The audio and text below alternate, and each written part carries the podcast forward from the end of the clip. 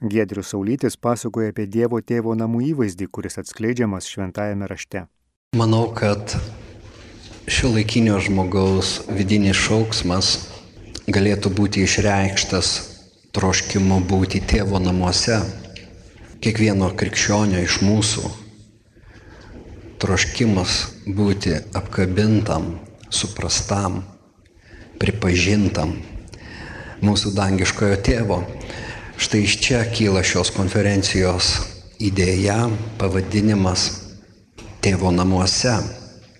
Pasigilinau į tėvo namų įvaizdį šventajame rašte bei kokias išvadas galėtume padaryti jį regėdami, kokios to įvaizdžio implikacijos man asmeniškai, tikėjimo bendruomeniai. Visų pirma, tėvo namų įvaizdį Senajame testamente formuoja Izraelio patriarchų, kurie tikėjo Jahvės pažadais ir tarnavo jam gyvenimas. Be abejo, visos mūsų tikėjimo šaknis yra Senajame testamente, prasideda apreiškimas, apreiškimo užuomasgos, jų ieškome Senajame testamente, tai ir tėvo, tėvo namų, Kągi Biblija kalba apie tai. Ir štai patriarchai, pradžios knygoje, Izraelio patriarchai, Abromas, Izokas, Jokūbas, net iki Abromo, Nojus, jau pradeda formuoti pagarbą tėvui ir gyvenimui tėvo namuose, suvokimui, kad tai yra ta vieta, kurioje, na, mokomės gyventi. Tėvas yra šeimos kunigas, aprūpintojas ir globėjas. Ir penkiaknygiai įtvirtina tėvo orumą kaip gyvenimo ir žmogiškumo šaltinį, kaip dorovės principų pamatą. Niekinti tėvą gali tik nedoras sunus. Ir mes turime Hamo istoriją. Nojus turėjo tris sūnus. Setą, Hamą ir, ir Jefetą. Jūs žinote tą istoriją devintam skyriuje, kai Nojus galbūt, na, pavargo nuo tvano ir jau supratęs, kad pra, praužė tą nelaimę, padaugino vyno, raštas atkreipia dėmesį į vieną jo sūnų Hamą, kuris tą istoriją pradėjo pasakoti kitiems. O a, du sūnus Setas ir Jefetas pridengė tėvo nuogumą. Hamas tapo bendriniu žodžiu pasiekusiu ir mūsų dienas. O Setas ir Jefetas paveldėjo palaiminimą. Hamas tai nekultūringas, širkštus, toržieviškas žmogus, mes šiandien sakytume. Tačiau kiti du sūnus įkūnijo tą įsakymą, kuris a, skambės dekologe jau vėliau, gerbk savo tėvą ir motiną, kad tau gerai sektųsi žemėje. Tai tėvas yra atsakingas už Dievo pažinimo perdavimą savo vaikams ir vaikaičiams ir tai yra akcentuojama. Būtent tėvui, ant tėvo pečių gulasi ta atsakomybė. Ir mano parinktos vietos iš, iš pradžios knygos, iš įstatymo knygos. Tai patvirtina, paliudyja. Mes varstome apie tėvą, apie tėvą, apie jo atsakomybės šeimoje. Labai įdomi yra tėvo funkcija - laiminti savo sūnus ir pranašauti jiems jų ateitį, kalbėti jų gyvenimus. Ir tai pildosi šventajame rašte. Iš tiesų, kai Jokūbas laimina 12 savo sūnų, mes jau turime pranašystę apie Jėzų, kai jis kalba Judui, kad nuo Judo nepasitrauks skeptras ir Judas yra tas jaunas liūtas. Na ir apreiškimo knygoje mes turime tą įvaizdį. Pradžios knygoje, apreiškimo knygoje. Taigi tos tėvo pranašystės siekia toliau ne vieną, ne dvi kartas šiuo atveju Izraelio, nes toks tapo Jokūbo vardas, pranašystė siekia eschatologinę ateitį, kurios mes dar nematėme, dar neatėjome iki to taško.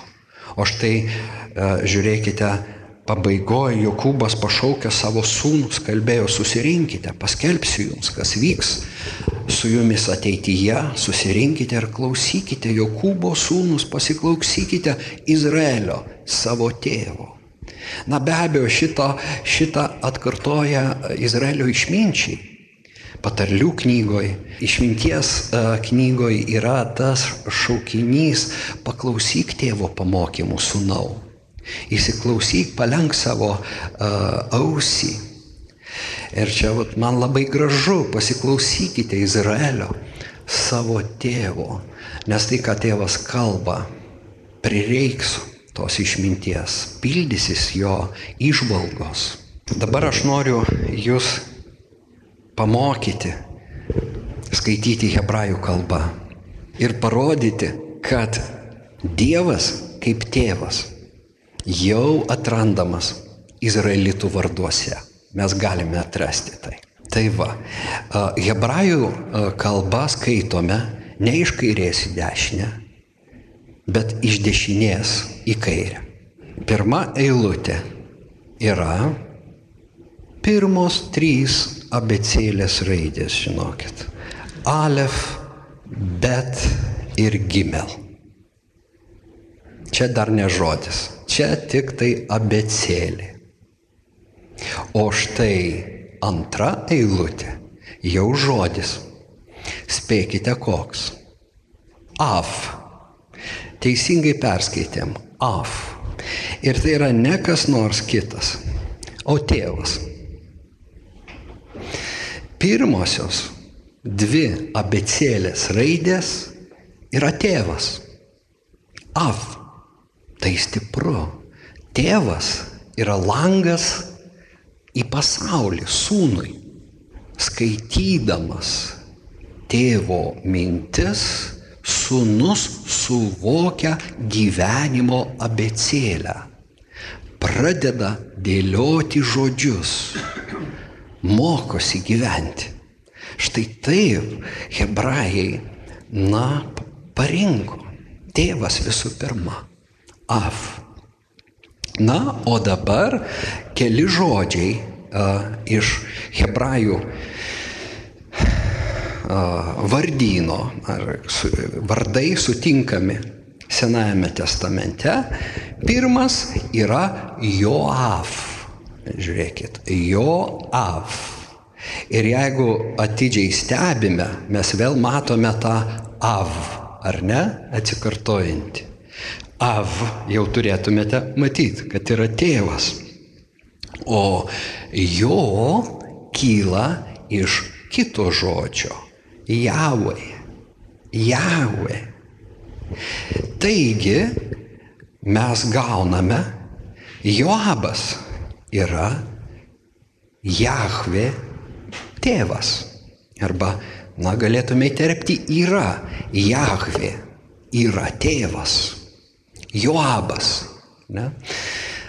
Na va, duoda vaikui Joabo vardą ir tuo pačiu jau išpažįsta, kad Jahve yra tėvas. Inversija, apvertimas. Ir mes turime kitą vardą Abija. Abija, vėlgi dabar tas uh, Af kartais tarėsi avijach, iš tiesų čia turėtume tarti avijach, bet ta hebrajiška V gali sukėtėti ir būti ab.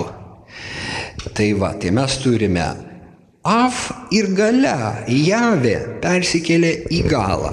Taigi, abijas tėvas Jahve. Na, hebrajų vardai be galo įdomus ir ten prasmės tiesiog stulbina. Bet čia jau mes atrandame vat tokį dalyką, kad pažinę mm, Abromo Izoko Dievą ir turėdami tą patriarchalinį kontekstą arba tos tėvus, patriarchus, turinčius, na, tas didelės šeiminas, vaikų a, gausybę, jie tiems vaikams jau per tuos vaikus pradeda išpažinti. Arba norėtų išpažinti, aš taip sakyčiau, kad Jahve yra mūsų tėvas. Dievas kaip tėvas myli savo vaikus ir jų gailisi. Ja, tai atrandame 103 psalmiai, kaip tėvas gailisi vaikų. Palyginimas. Reiškia, žiūrima į šeimos gyvenimą ir pradedama svarstyti, mąstyti apie Jahvę, apie viešpatį. Ir sako, viešpats panašiai elgesi kaip tėvas. Analogija tokia. Tačiau patarlėse mes matome, kad jo gailestis taip pat apima ir, na, drausminimą. Jisai auklėja savo vaikus, ką myli, tą viešpats sudraudžia, kaip tėvas mylimą sūnų. Pranašuose jau kelis kartus, bet tai lašas jūroj. Mes susidurime, kaip Izaijo lūpose ištarta viešpatie, tu mūsų tėvas. Mes molis, o tu mūsų podžius. Visi mes tavo rankų darbus. Ypatingai Jahvė tampa našlaičių, našlių, tų, kurie nukentėjo gyvenime, kažką prarado, buvo ištremti, našlaičių tėvas, našlių globėjas. Būtent tiems, na, kenčiantiems Dievas ypatingai pradeda jau rodyti savo tą tėvišką globą, taip svarsto, taip pripažįsta, na, psalmininkai, gėdodami, kurdami psalmes. Na ir be abejo ateinama iki to, kad a, viešpats man tarė, tu mano sunus šiandien tave pagimdžiau, iki to, kad Dievas bus mesijo tėvas. Štai iki tiek, aš manau, ateina Senojo testamento prieškimas, kad Dievas bus pateptojo karaliaus, tai yra mesijo tėvas. Tai yra mesijinė psalmė ir ten akivaizdu, kad kalbama pastačiau karalių savo šventam kalne ir tarnaus uh, tautos pagonys. Žodžiu, kalbama apie mesijinę karalystę. Ir tada sakoma, kad tas karalius bus Dievo sūnus. Naturali išvada peršasi, kad jis, uh, tai yra Dievas, yra tėvas. Žinokit, tai be ne viskas, ką Sename testamente, jeigu ieškosite, rasite apie Dievą tėvą. Ir iš tiesų, pirmasis kreipinys viešpatė tėvę ir mano gyvenimo valdovę, nepalik manęs, nuskamba jau tarp testamentinių periodų, taip vadinamų antrosios šventyklos periodu. O tas periodas jau pasižymi graikų įtaką žydų mąstytojams. Ir uh, užrašomos tik graikų kalba Siracido knyga, tokios knygos kaip Siracido knyga. Ir atrodytų nusteptume, kad būtent Siracido knygoj pirmą kartą be ne Senajame testamente nuskamba kreipinys, tai yra maldininko kreipinys į Dievą kaip savo tėvą. Ir antrą kartą tarsi pakartojama tu viešpatė mano tėvas. Vienintelė išimtis tai yra Jeremijo 3.4, galit pažiūrėti, nors ten teologiškai svarstant sunku pasakyti Ar tai nėra pejoratyvas? Tai yra, nuskamba kreipinys, pranašas sako, Dievas sako pranašo lūpomis, dabar jūs sakote, mano tėve. Tačiau kontekstas yra stabmeldystė, kuri vardinama kaip paleistuvystė. Ir tu ir dvėjoji, ar čia vat yra tai, kad jūs pagyvenę taip dabar man sakote, bandydami atpirkti, arba prisigraipste iš tų stabmeldiškų tautų svetimų idėjų, kad Dievas yra tėvas. kad toks požiūris galimas ir labai tikėtinas, na, teologai pripažįsta. Manoma, kad hebrajai vengia visgi, ne, nežiūrint mano parodytų pavyzdžių, vengia Dievą vadinti tėvą, tėvu, palikdami tėvo ir sunaus bendrystę Dievui ir jo mesijui, o tauta su Dievu labiau bendrauja per sandoros prizmę, sutarties, sutarčių pagrindų, o ne tėvystės, reiškia namų, namuose egzistuojančio įstatymo pagrindu. Tačiau panašu, vėlgi panašu, kad graikų įtakoj na, prasideda žydų diaspora ir natūraliai, kai graikai tampa pasaulio valdovais per, na, makedonietį, Aleksandrą makedonietį, ta įtaka paplinta, čia neverta apie tai išnekėti, e, tai atsiliepia ir hebrajų mąstymui, hebrajų minčiai. Ir čia, na, kaip patvirtinimą, aš uh, parenku Platoną, tačiau galima uh, ieškoti jau anksčiau. Graikų mitologijoje Dzeusas yra tėvas, jis yra vyriausias, Dievas tėvas. Ir uh, Platonas nėra vienintelis graikų mąstytojas, kalbantis apie, na, kurėją kaip tėvą. Bet šita citata yra pritrenkinti. Ypač skaitant tai graikų kalba. Rasti visą, ko kurėją ir tėvą, graikiškai poetes kepatertų pantos, poetes yra kurėjas, pater tėvas, o tų pantos tai yra visa ko kurėjas ir tėvas, na, galėtų būti net ir visatos kurėjas. Sunkus yra sunkus darbas, o radusiam neįmanoma apie tai visiems atskleisti. Kosmosas nuostabiausias iš viso, o demiurgas, meistras. Dabar demiurgas yra tas žodis graikų filosofijoje labai paplytęs, kuris mane kažkada gazdindavo. Aš pamenu, kai pirmą kartą pradėjau skaityti bažnyčios tėvus ir, na, gilintis į, uh, daryti pirmosius žingsnius gilindamasis į bažnyčios istoriją, tas demiurgo atradimas mane taip gazdino, man tai buvo tokia svetimybė. Bet dabar, kai man tenka versti Naują Testamentą iš senosios graikų kalbos, staiga aš demiurgą atradau laiškę hebrajams. Ir, ir kalbama apie iš tiesų Dievą, kad Abromas laukė miesto, kurio e, miesto su pamatais, kurio menininkas ir, na va, kuriejas, tas va, demi, demiurgos, demiurgas yra Dievas.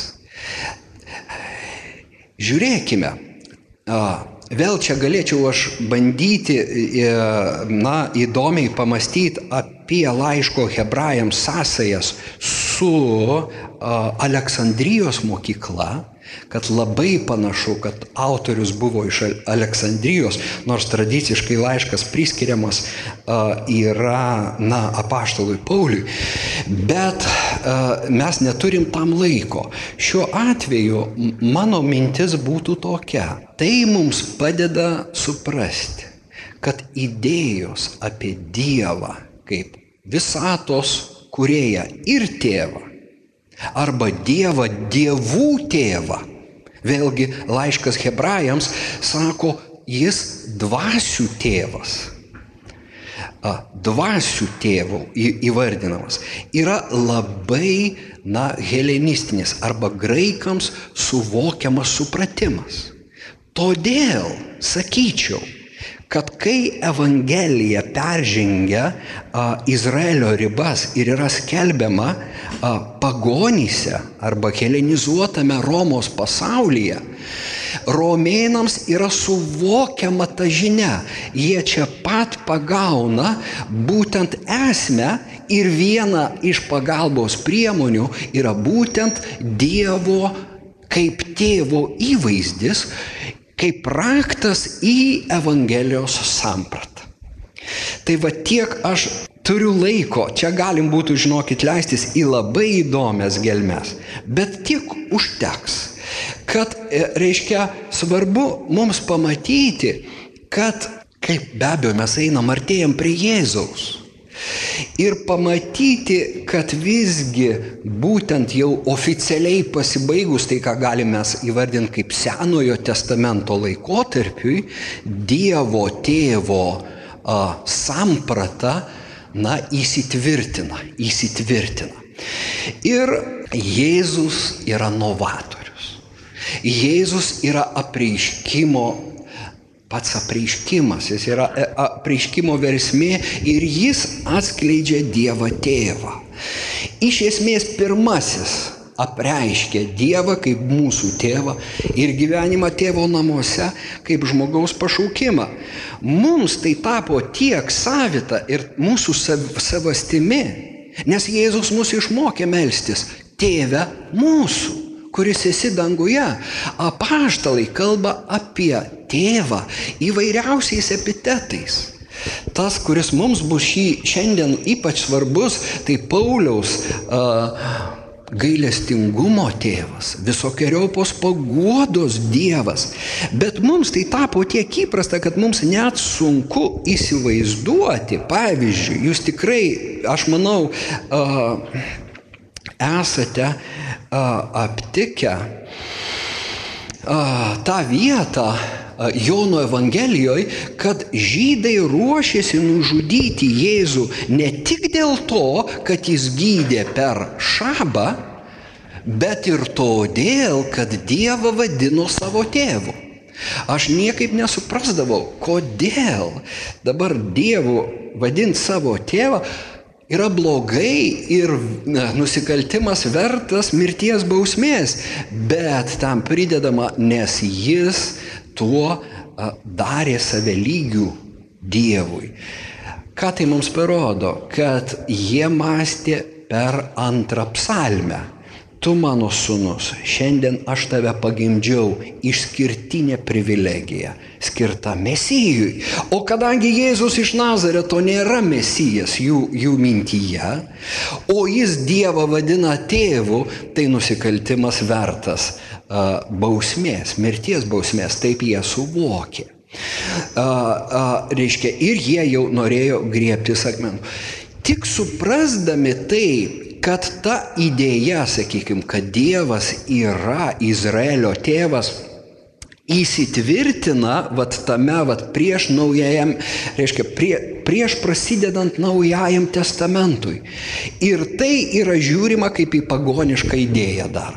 Nes pagonių raštuose tai labai populiaru. E, kaip jau minėjau, ir tarp kito ne tik graikų, ne tik graikų.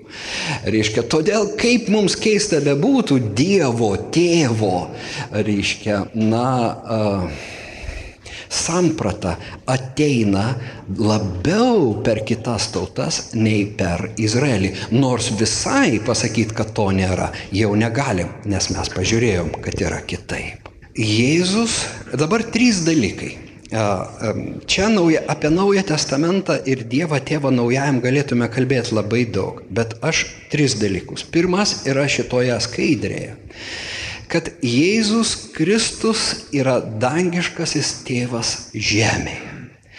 Ir jis teigia, jeigu pažinote mane, pažinsite mano tėvą. Kas yra matęs mane, yra matęs tėvą. Aš ir tėvas viena. Štai kodėl mums taip svarbu pažinti Jėzų, nes kitaip mes nežinom, koks yra mūsų tėvas, tik žiūrėdami į Jėzų.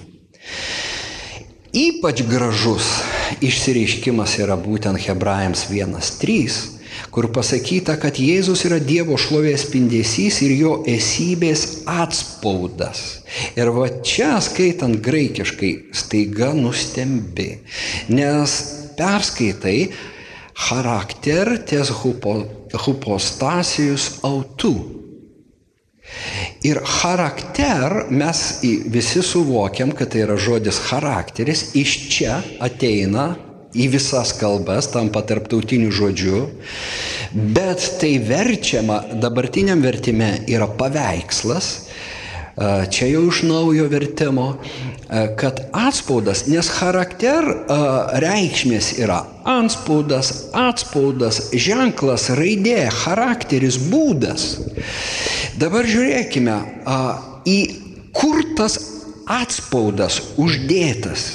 Atspaudas tėvo atspaudas uždėtas molyje, įspaustas į molį. Štai kodėl Paulius gali vadinti Jėzų antruoju, antruoju Adomu. Kaip Dievas įputė savo gyvybę į pirmąjį Adomą ir sukūrė žmogų pagal savo atvaizdą ir panašumą.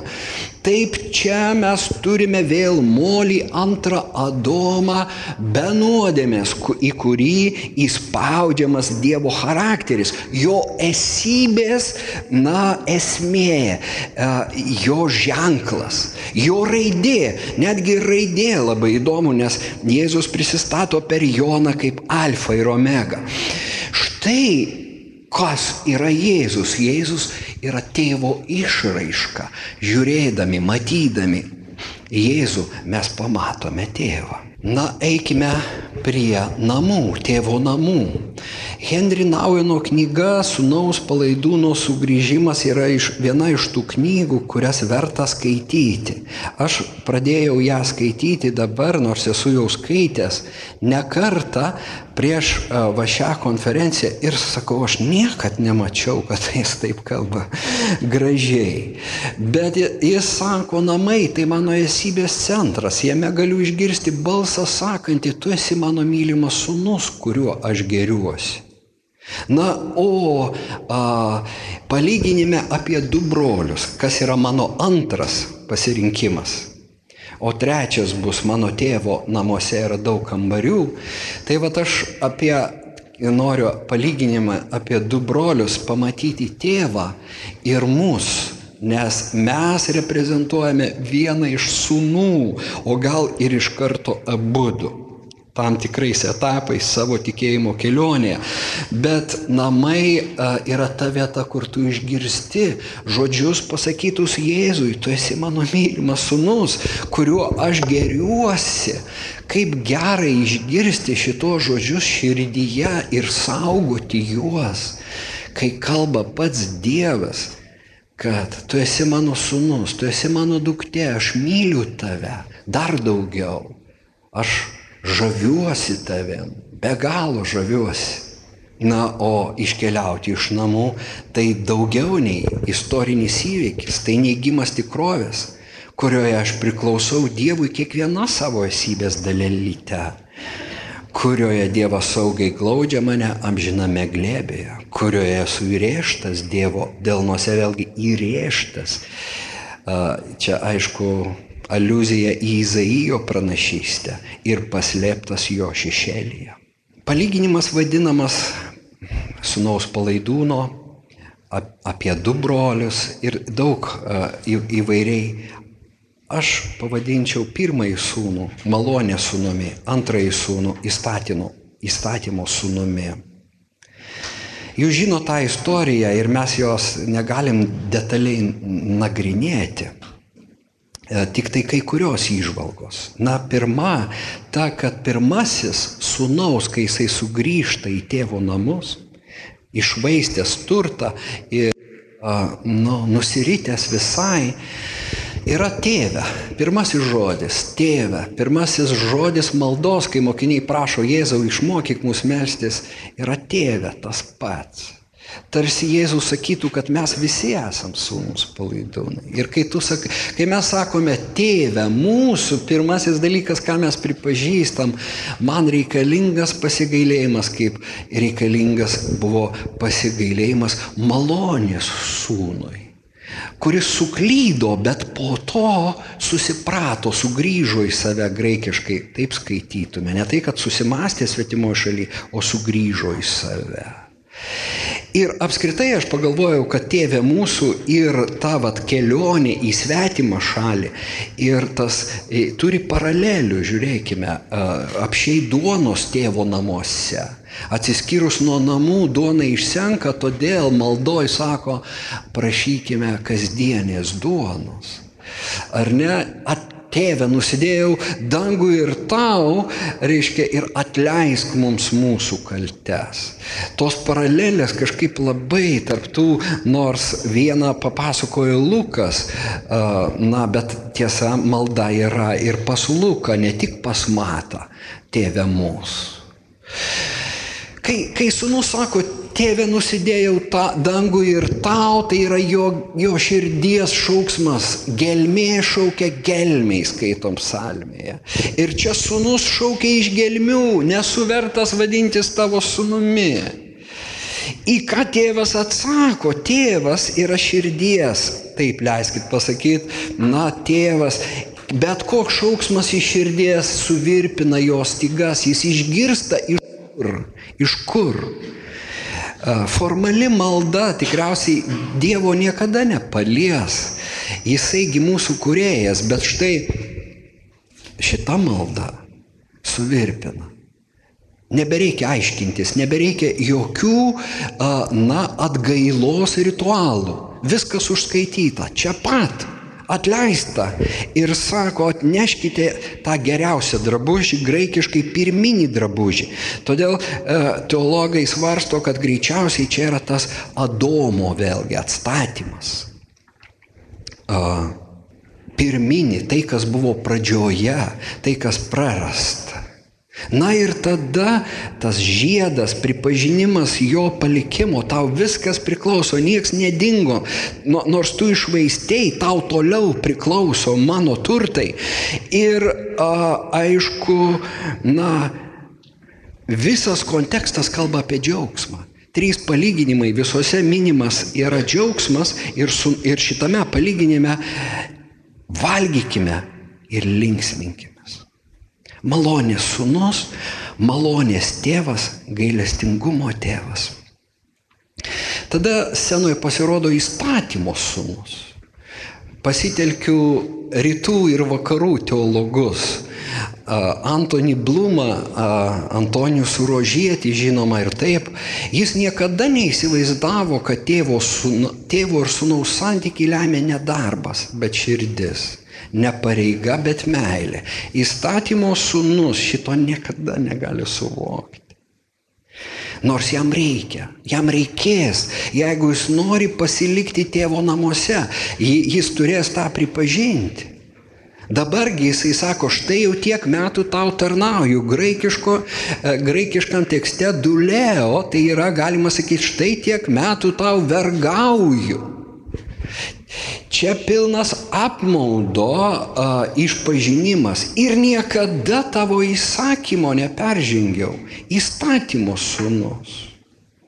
Na, a, Josefas Ratzingeris kalba taip, kartėlis dėl Dievo gerumo išduoda šito įstatymo sunaus vidinį kartėlį dėl parodyto klusnumo. Jis paklūsta, bet viduj apkartęs, išryškinant iš šio klusnumo ribas.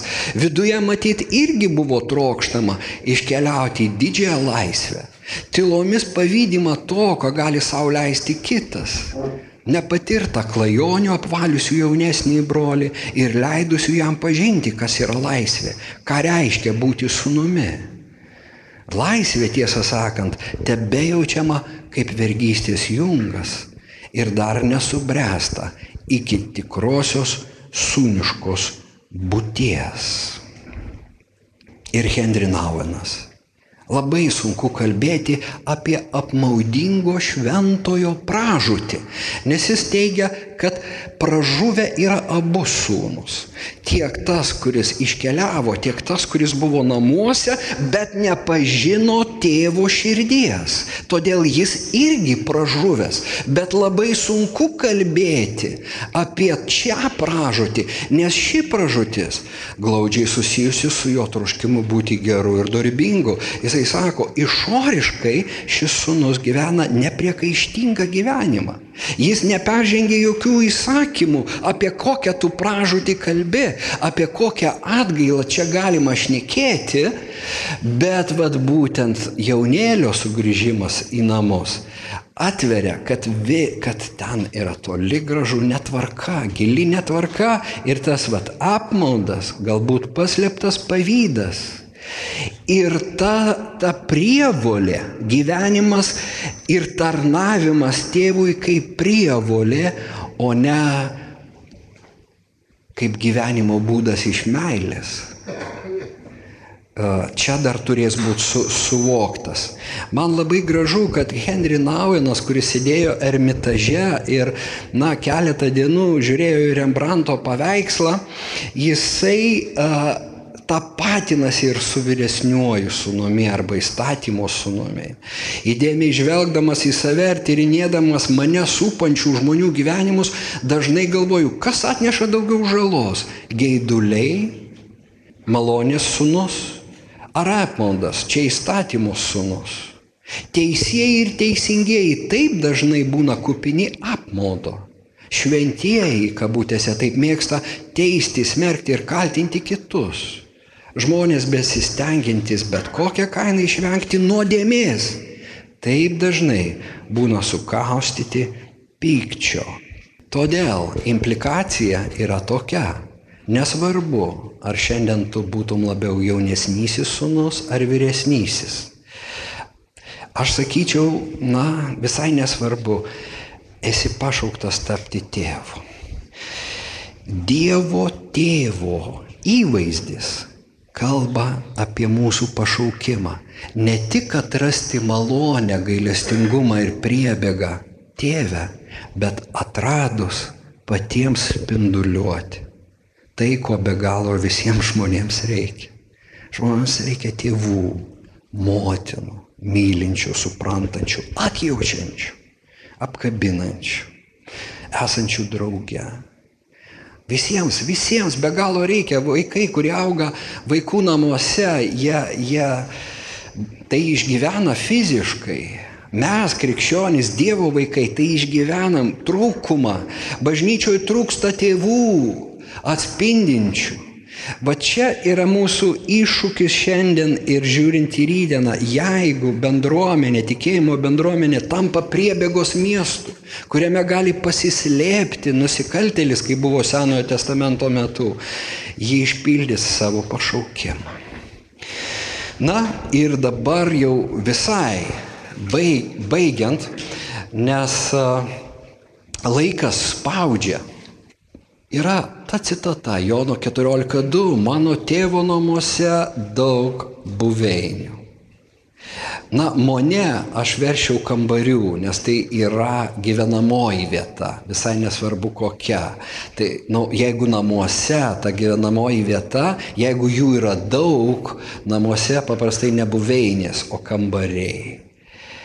Ant, antraip argi būčiau sakęs, einu jums vietos paruošti.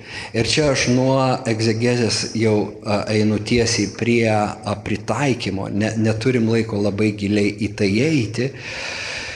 Na, aišku, kad namai vieni, o kambariai skirtingi.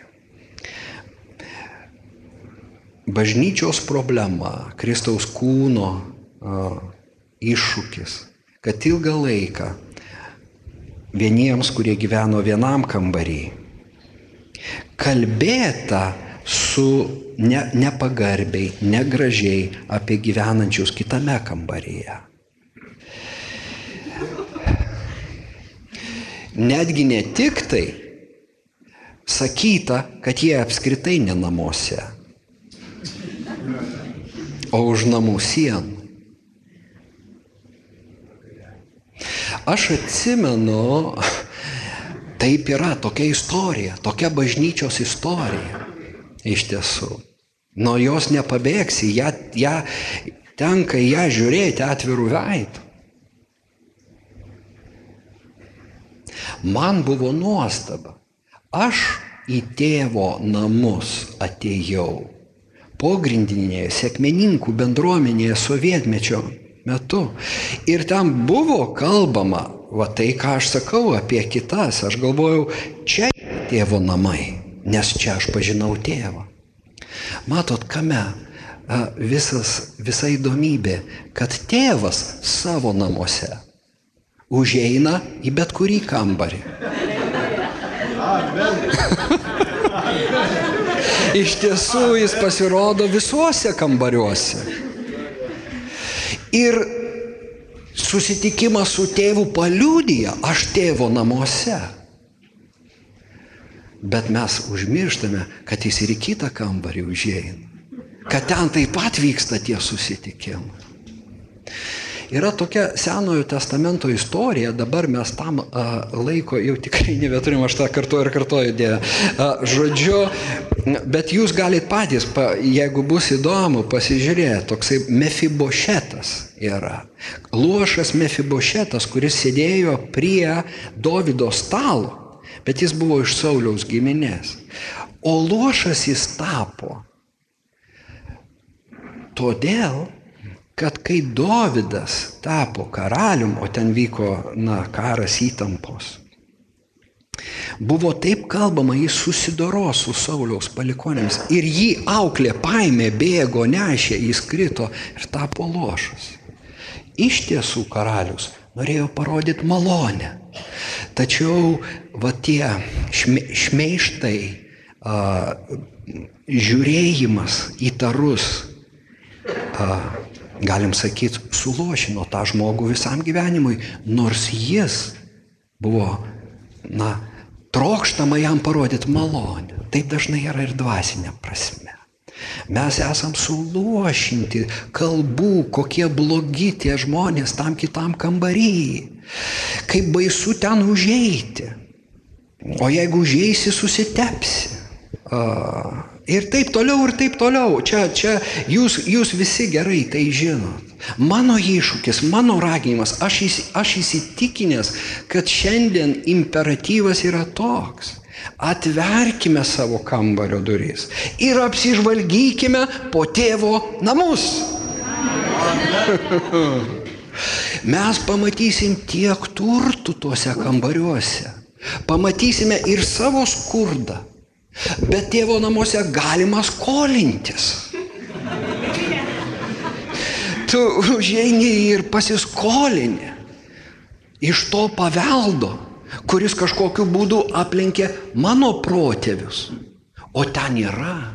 Ir lygiai taip pat mano tėvai sukaupė kažkokią patirtį, kuri praturtins kitą. Štai kodėl gyvenančius kitam kambarį. Štai kodėl suojimai tokie kaip šiandien iš skirtingų kambarių į vieną vietą, išpažįstant, kad turime vieną tėvą danguje, yra tokie svarbus.